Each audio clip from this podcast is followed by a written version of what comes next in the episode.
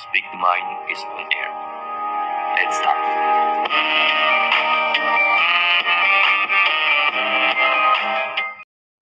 Assalamualaikum warahmatullahi wabarakatuh. Selamat pagi, siang, sore, atau malam teman-teman. Bagaimana kabar kalian? By the way, kenalin, nama aku Farhah. Kali ini aku bakal nemenin kalian untuk sharing tentang sesuatu yang pastinya kalian juga ngalamin.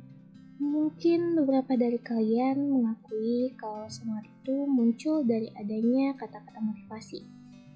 Mungkin itu dari orang tua, sahabat, pacar, bisa juga dari wallpaper HP kalian. Bener gak? Bener kan? Bercanda teman-teman. Tapi kalian tahu gak sih kehidupan kita pasti dikelilingi oleh sesuatu yang membuat kita bosan dan menjadikan kita tidak bersemangat dalam menjalani kegiatan kita. Mungkin kita juga terkadang merasa lelah dan butuh adanya istirahat. Tapi kita nggak boleh lama-lama ya istirahatnya. Gunakan waktu kita dengan baik agar kita bisa menjadi produktif.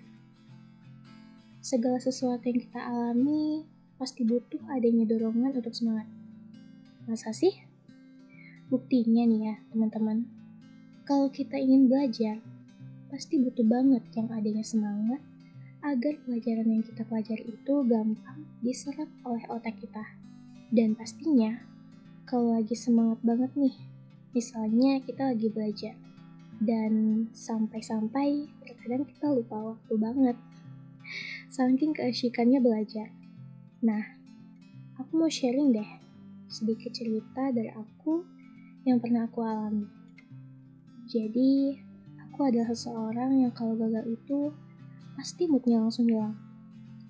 Dan jadi gak bersemangat lagi.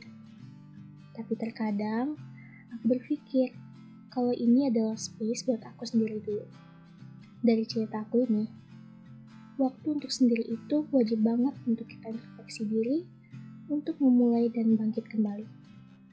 Kita harus memikirkan beberapa cara agar bisa dan mencoba kembali.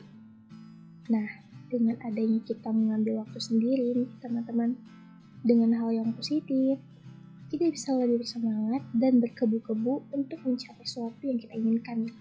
Oleh karena itu, aku mau ngasih beberapa tips ala aku yang insya Allah membantu kalian biar lebih semangat. Yang pertama, memulai dahulu. Ini penting banget nih teman-teman buat kalian yang kaum mageran. Kita harus memulai suatu kegiatan dahulu. Yakin deh teman-teman, kalau kita maksain keadaan kita nih buat nggak mageran, tanpa kita sadari, kita bisa jadi bersemangat.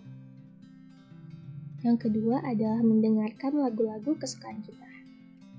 Nah, buat kalian nih teman-teman yang misalnya lagi nyapu, lagi nyuci piring, kalian cobain deh dengerin lagu. Bah, itu mantapnya luar biasa bukan? Maksudnya itu seru banget. Sambil nyuci, sambil nyapu, kita sambil dengan lagu, sambil nyanyi-nyanyi itu secara nggak langsung kita bakalan wah kerjaan aku udah selesai nih kayak kita itu nggak sadar gitu kalau kita lagi melakukan suatu kegiatan dan kita enjoy banget dalam mengerjakan kegiatan tersebut. Dan yang terakhir ini adalah selalu berniat dan berpikir positif jika melakukan segala sesuatu. Selain mendapatkan keberkahan, kita juga dapat manfaatnya loh teman-teman. Pikiran kita jadi lebih terbuka, mood kita lebih baik, dan pekerjaan yang kita lakukan pun tidak terasa akan cepat terselesaikan. Nah, buat kalian nih, adik-adik aku, mungkin lagi mendekati ujian, kalian harus tetap semangat dan fokus untuk belajar. Nah, apa?